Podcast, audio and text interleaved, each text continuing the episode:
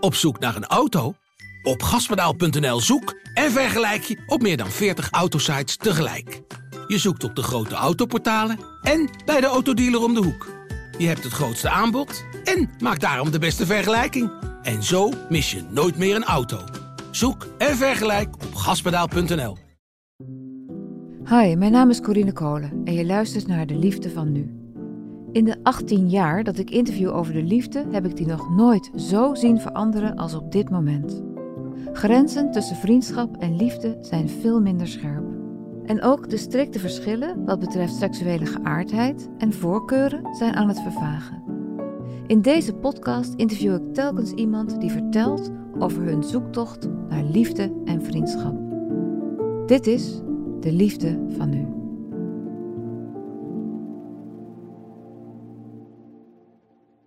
Hi Marijn. Hi. Gezellig dat je er bent. hey, uh, waar gaan we het over hebben? Uh, we gaan het hebben over ja, hoe ik eigenlijk tot bloei ben gekomen qua mijn relaties en seksualiteit op een uh, wat latere leeftijd. Want hoe oud ben jij nu? Ik word donderdag de 42, dus ik ben nu 41. Ik ben nu 22 jaar samen met mijn, uh, met mijn partner Felix. We hebben elkaar leren kennen tijdens onze studie. Uh, dus ja, het was een soort van kalverliefde eigenlijk. En al die tijd hebben we samen gestudeerd. Daarna zijn we samen gaan werken, huis gekocht, uh, getrouwd. Uh, ook een kindje gekregen. Die is nu drie jaar. En op een gegeven moment kregen wij gesprekken over... Ja, willen we... Hoe zien we onze relatie voor ons? Uh, willen we altijd uh, met z'n tweeën exclusief monogaam blijven? Of ja, zien we ook wel mogelijkheden voor andere mensen in Want ons wat leven? was, wat was de aanleiding voor die gesprekken? Die aanleiding was... De, we hebben het hier vaker over gehad, dus al, al veel eerder... zonder dat we echt uh, actie hebben ondernomen op dat gebied. En dan was de aanleiding vaak wel mijn transitie. Want ik ben op mijn 26e ben ik uh, mijn transitie van vrouw naar man begonnen. En Felix is altijd, uh, nou ja, die, die is bij mij gebleven. Dus we zijn samen gebleven. Maar die heeft wel vaker aangegeven. Maar ja, maar jullie waren toen al samen natuurlijk? Wij waren samen, Hoe ja. lang waren jullie toen al samen? Wij waren toen zes jaar samen. Nee, meer. Zeven jaar waren we dus samen. toen jullie elkaar leren kennen, hadden jullie gewoon heteroseksuele, een gewone heteroseksuele relatie? Ja, voor de buitenwereld waren wij man en vrouw. Zo zijn we ook getrouwd. Ja. En Felix die had in zijn studententijd was ook wel aan het zoeken geweest qua zijn seksuele identiteit. Van ja, val ik op mannen, val ik op vrouwen? Ik was daar ook heel erg mee bezig. Ik wist toen nog niet dat het eigenlijk veel meer te maken had met het feit dat ik trans ben. Uh, ik dacht dat het toen echt seksuele voorkeur was. Ik kende ook helemaal geen verhalen over trans mensen. Uh, maar toen kwam ik Felix tegen en toen dacht ik, ja, ik ben gewoon verliefd op jou. Dus ik kan wel ingewikkeld doen over uh, mijn seksuele identiteit. Maar ja, als ik, als ik jou leuk vind, dan ga ik er gewoon voor. Dus toen waren wij vriendje en vriendinnetje. Terwijl dat voor mij eigenlijk nooit zo gevoeld heeft.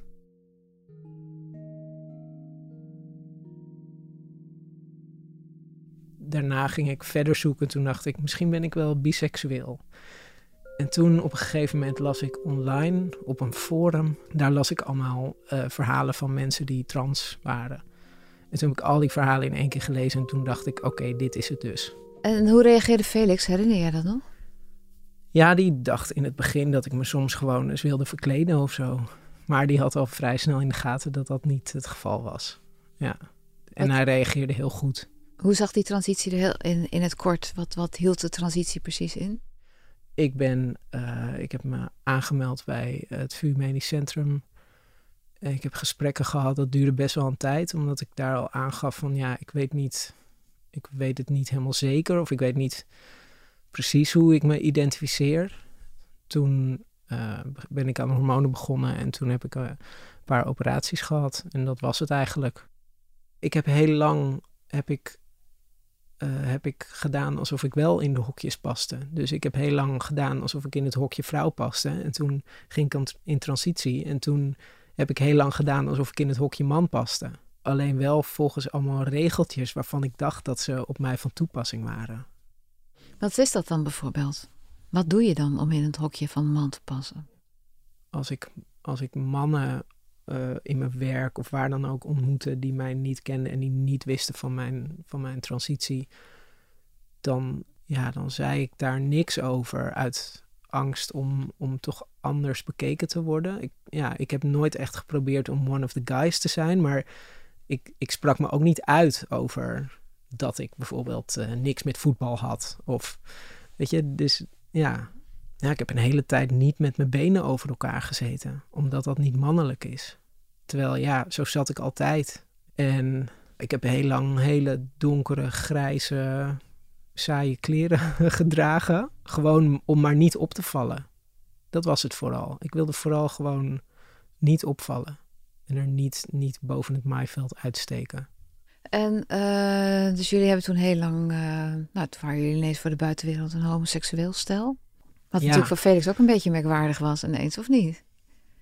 Ja, en het grappige is dat dat ook niet echt klopte voor ons allebei. Dus ineens, we gingen van een man en een vrouw samen naar twee mannen samen. En Felix heeft zich nooit als homoseksueel geïdentificeerd. En ik geloof ik ook niet. Ik dacht toen dat ik dat dan moest. Want, nou ja, ik was dan.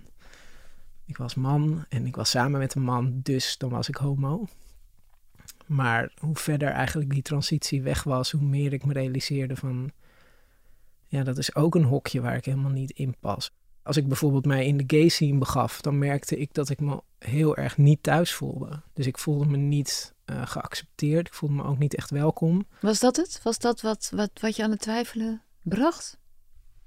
Ja, ik denk wat me nog meer aan het twijfelen bracht, is vooral de discussies de laatste jaren of de, de gesprekken en meer openheid over, uh, over non-binaire identiteiten, over dat er zoveel meer uh, ja, eigenlijk grijs tinten zijn tussen de, tussen de uitersten.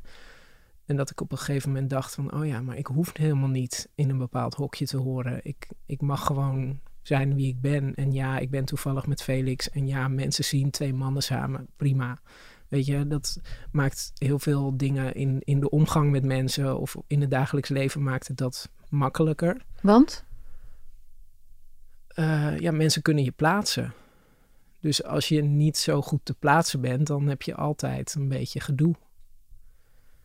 Maar het feit, dat, ik bedoel eigenlijk het feit dat je je realiseerde, ik hoef niet uh, in zo'n hokje te vallen, was dat een opluchting? Ja, ja, dat was echt een opluchting. Wanneer was dat? Dat is echt nog maar heel kort geleden. Ik denk twee, drie jaar geleden, zoiets. En was dat ongeveer gelijktijdig met het moment dat jullie besloten om die relatie weer eens ter discussie te stellen? Ja, we hadden net een kindje gekregen samen met een goede vriendin van ons. Dus we hebben co-ouderschap. En dit was na het eerste jaar. Dus, uh, dus uh, ons kindje werd bijna één. En we kwamen een beetje uh, bovendrijven uit, uit de babybubbel.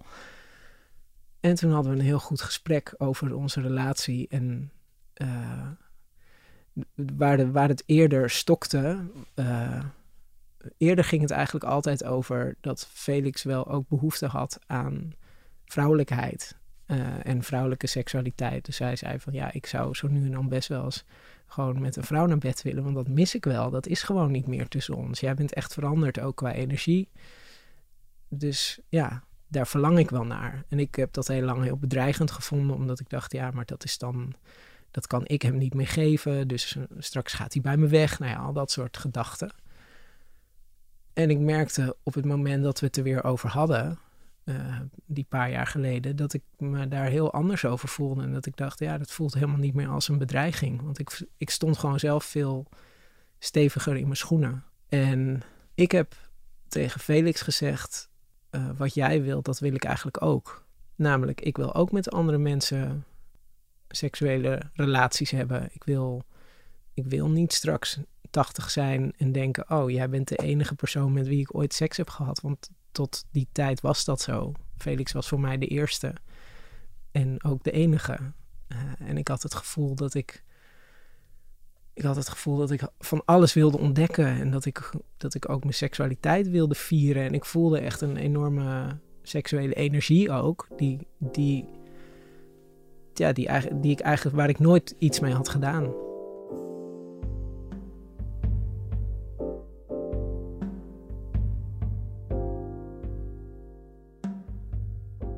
Was het voor Felix moeilijk ook om, om met jou als man te vrijen?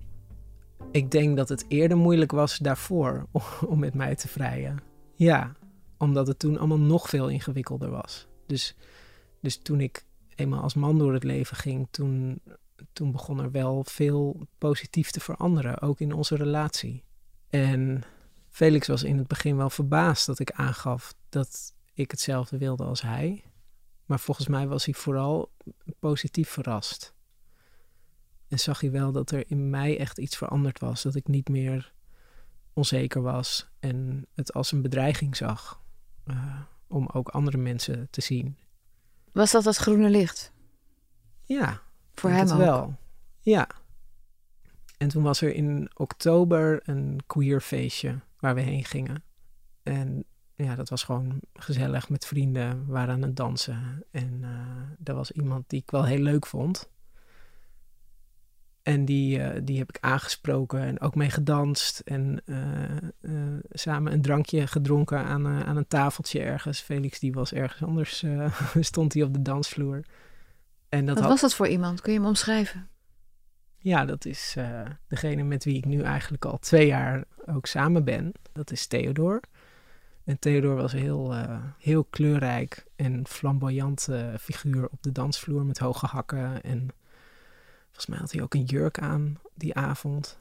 En ik dacht nog, toen ik hem zag, dacht ik: wauw, hij is echt gewoon alles wat ik niet ben. Eigenlijk gewoon totaal tegenovergestelde, helemaal out there. Geen grijze muis. Geen... Was het een soort van verliefdheid wat je voelde? Of was het echt puur die nieuwsgierigheid naar die iemand die zo verschilt van jouzelf? Ja, ik denk dat laatste. Ik voelde toen geen verliefdheid. Nee, ik vond hem wel gewoon heel erg interessant en... Fascinerend. Ja, en fascinerend. En uiteindelijk heeft Felix uh, hem mee naar huis gevraagd. Dus die heeft gezegd, hey, wil je met ons mee naar huis? Wel goed van Felix dat hij hem mee vroeg naar huis. Ja, lief ik had dat namelijk echt nooit gedaan. Waarom niet eigenlijk? ik denk dat ik veel te bang was geweest dat ik afgewezen zou worden. Dat hij had gezegd van nou, nee, dank je. En ik denk ook dat ik op dat moment nog steeds dacht: ja, maar. Of misschien had ik niet die gedachte, maar ik denk wel dat er door mijn hoofd ging van zo iemand wil toch nooit iets met mij. Dat zat, dat zat zo sterk in mij, zeg maar de overtuiging die ik eigenlijk mijn hele leven gehad heb van dat is niet voor mij. Weet je wel? Ik moet eigenlijk blij zijn dat ik, dat ik met Felix samen ben. Uh, dat hij niet bij me weg is gegaan. Want wie, wie zou er nou met mij willen? Dat waarom niet? Waar, waarom? Ja, ik denk echt dat dat voor een heel groot deel door me, toch door mijn transidentiteit komt. Door dat ik wel lang heb gedacht van ja, maar ik ben gewoon een beetje gek. Weet je, ik heb een, ik heb een, ik heb een lijf wat ergens ertussenin zit. Uh, ik, ik, heb me, ik heb me eigenlijk altijd wel een soort van de vreemde, vreemde eend in de bijt gevoeld wat ik nu zo omarmd heb, dat, dat het gevoel van overal eigenlijk tussenin te zitten en juist niet in die hokjes te zitten, dat heb ik heel lang toch gezien als, ja, als een, als een negatief iets. Als, een gemis. of, ja, of als een gebrek wat misschien. Wat me beperkte. Theodor is met ons meegegaan en die heeft bij ons geslapen. Maar die heeft, we, hebben, we kwamen thuis en we hebben kopjes thee op de bank gedronken en gekletst. En daarna is hij in het logeerbed gaan liggen en er is dus helemaal niks gebeurd. Die, uh, die eerste avond, of nacht was het eigenlijk. En de volgende dag hebben we aan de ontbijttafel, uh, vroeg hij van... Ja, hoe zit het eigenlijk met jullie relatie? Want volgens mij had hij ook het gevoel van waar ben ik nou in beland? Dus toen hebben wij verteld over dat we eigenlijk pas net bezig waren met, met onze relatie open te, te openen en, en te kijken of er plek was voor, voor meer mensen. Uh, en toen hebben we elkaar ook met z'n allen gezien. Dus hij, hij, Theodor heeft ook een partner met wie hij samen is al langere tijd. Toen hebben we met z'n allen gegeten. Met vieren bedoel je? Ja, ja, volgens mij was dat nog voordat Theodor en ik in bed belanden met elkaar. Niet om niet om een bepaalde goedkeuring, want het was voor iedereen helder van oké, onze relaties zijn open en er kunnen dus dingen met andere mensen gebeuren. Maar ik vond het wel heel prettig dat we gewoon elkaar ook even echt in de ogen hadden gekeken. En ja, dat het oké was. Mhm. Hoe ging het verder tussen jou en Theodor? Nou ja, in het begin was ik gewoon echt een soort van hotel de botel uh, verliefd. Dat ging vrij snel. Ik heb ook vaak gedacht, jeetje Marijn, je bent, nou ja, 40 was ik toen, 41. Uh, je hebt een gezin, je, je hebt een partner en je gedraagt je gewoon als een, als, een, als een tiener. En dat was ook tussen mij en Felix wel even lastig. Want dit was niet per se wat we voor ons hadden gezien. En toen merkten we ook hoe weinig we eigenlijk besproken hadden in de zin van, ja, waar heb je dan behoefte aan? Of is, wil je anonieme seks? Of wil je gewoon eens een keer een avontuurtje? Of wil je een friend with benefits? De, ja, er kan zoveel.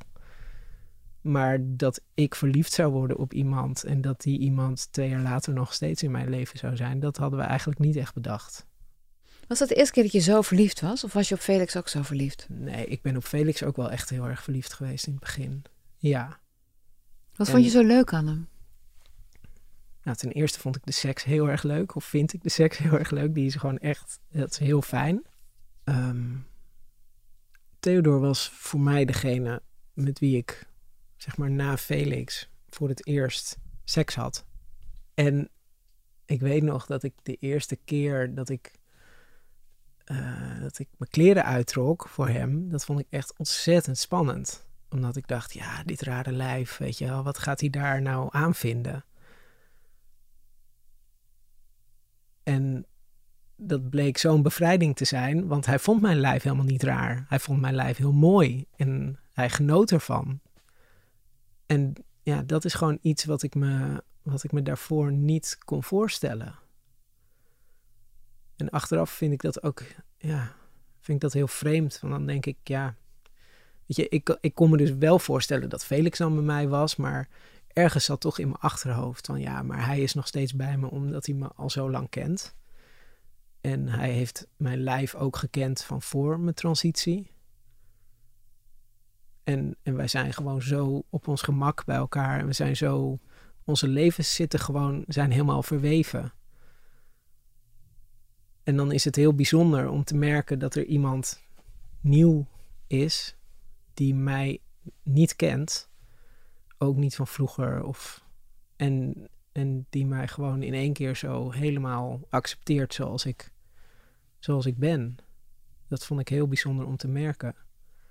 En, de, en dat merkte ik andersom bij hem dus ook. Van oké, maar hij kan dit omdat hij, dat, omdat hij zichzelf ook helemaal accepteert zoals hij is. En doordat ik met Theodor op ontdekkingstocht ging, ben ik dat met Felix ook weer gaan doen. Dus dat was heel mooi om te merken. Van dat het, het was niet alleen maar Theodor en ik, maar het is, was ook Felix en ik die ineens weer ja, gewoon elkaar opnieuw leerden kennen of zo. Uh, seksueel gezien dan. Kun je vertellen wat Theodor jou geleerd heeft, of tot welke inzichten die gebracht heeft, of wat er gebeurd is met jou door Theodor, dankzij Theodor? dat zijn voorkomen, zeg maar, hoe die eruit ziet, dat dat, als je hem een keer gezien hebt, dan vergeet je hem niet meer. Want hij ziet er ontzettend uh, eigen uit. Dus hij maakt zijn eigen kleding. Uh, die kleding is heel kleurrijk. Hij wijkt echt af van de, van de norm in de zin van wat zou een man aan moeten hebben. Daar heeft hij scheid aan. Uh, maar het gaat wel verder dan alleen maar dat uiterlijk. Daarnaast is hij ja, heb ik gewoon bij hem gemerkt van, oh, dit, dat hele proces van jezelf accepteren en niet te veel bezig zijn met wat de omgeving van je denkt of wat je familie van je, van je vindt. Ja, dat heeft hij ook allemaal doorgemaakt op een ander gebied uh, of op een ander, andere manier, maar hij heeft dat ook ja, doorgemaakt. Als je nu iemand tegenkomt, zo'n man bijvoorbeeld, ga je dan gewoon zeggen dat je niet van voetballen houdt en transgender bent? Ja. Ja, heb ik geen enkele moeite meer mee. Sterker nog, als ik het niet doe, dan voel ik me daar echt niet goed bij. Nou, ik sta niet op de barricade, maar ik ben wel heel erg open over ja, wie ik ben en hoe ik in het leven sta. Op wat voor momenten vind je het nog wel belangrijk wat mensen van je vinden? Ik denk als het over mijn kind gaat, dat ik het nog wel belangrijk vind wat mensen van me vinden. Wat dan bijvoorbeeld? Nou, ik denk dat ik wel wil dat mensen vinden dat ik een goede ouder ben. En over het algemeen is het beeld wat mensen hebben van een ouder of van een vader, dat is, dat is niet iemand die. eh, ja, dat is over het algemeen iemand die juist heel erg binnen bepaalde hokjes past. Dat is wel iets waar ik me soms zorgen over maak. Krijgt mijn kind last van wie ik ben of hoe ik in het leven sta? En, en daar voel ik dan ook soms toch nog een bepaalde schaamte. Denk ik. Schaamte waarover? Nou, schaamte eh, over. Ja, over, over wie ik ben. En over mijn relaties. En over. Ja, ik zou willen dat dat. ehm, ik denk uiteindelijk ben ik misschien gewoon bang dat hij gepest wordt later. Met dat zijn ouders heel anders zijn. En ik merk natuurlijk ook wel dat. Nou, dat het zeg maar. Het, het, dat mijn trans identiteit of transachtergrond, dat dat ook uiteindelijk iets is waar hij zich toe moet verhouden. Want daar, ja, dat gaat hij ook, daar doen we ook niet geheimzinnig over. Eh, ik ga gewoon samen met hem in bad. Hij ziet dat ik niet eruit zie zoals Felix. Dus dat, en, en daar, ja, daar, gaan we ook, daar hebben we ook gesprekjes over. Dus ik probeer daar zo open mogelijk over te zijn. En ik denk dat ik ook zo open mogelijk wil zijn over dat ik ook een relatie heb met Theodor. Alleen het is iets, ik zoek een beetje naar van, ik wil het hem niet opdringen, maar ik wil het ook niet verzwijgen. Heb je het gevoel dat die groei die je net beschreef, beschreef dat die nog steeds doorgaat? Ja, ik hoop gewoon uiteindelijk dat ik, dat ik nog beter met ingewikkelde emoties overweg kan.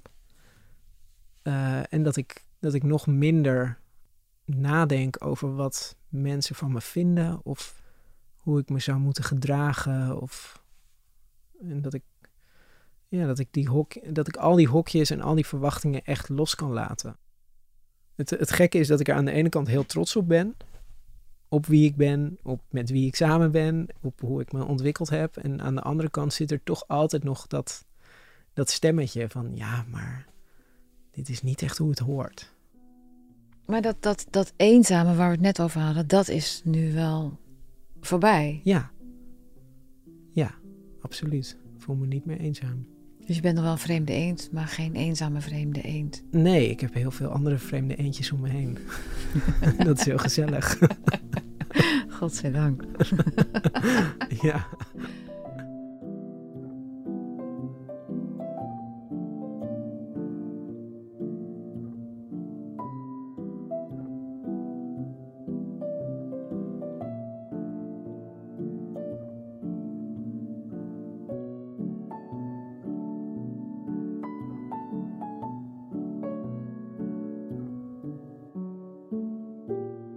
Dit was De Liefde van Nu. Wil je reageren of met mij in contact komen? Mail dan naar deliefdevanu.volkskrant.nl Mijn naam is Corine Kolen. Ik maak deze podcast samen met Mona de Brouwer, tevens editor. Eindredactie en coördinatie is van Corinne van Duin en de begin- en eindmuziek is gemaakt door Juriaan de Groot. Dank je voor het luisteren.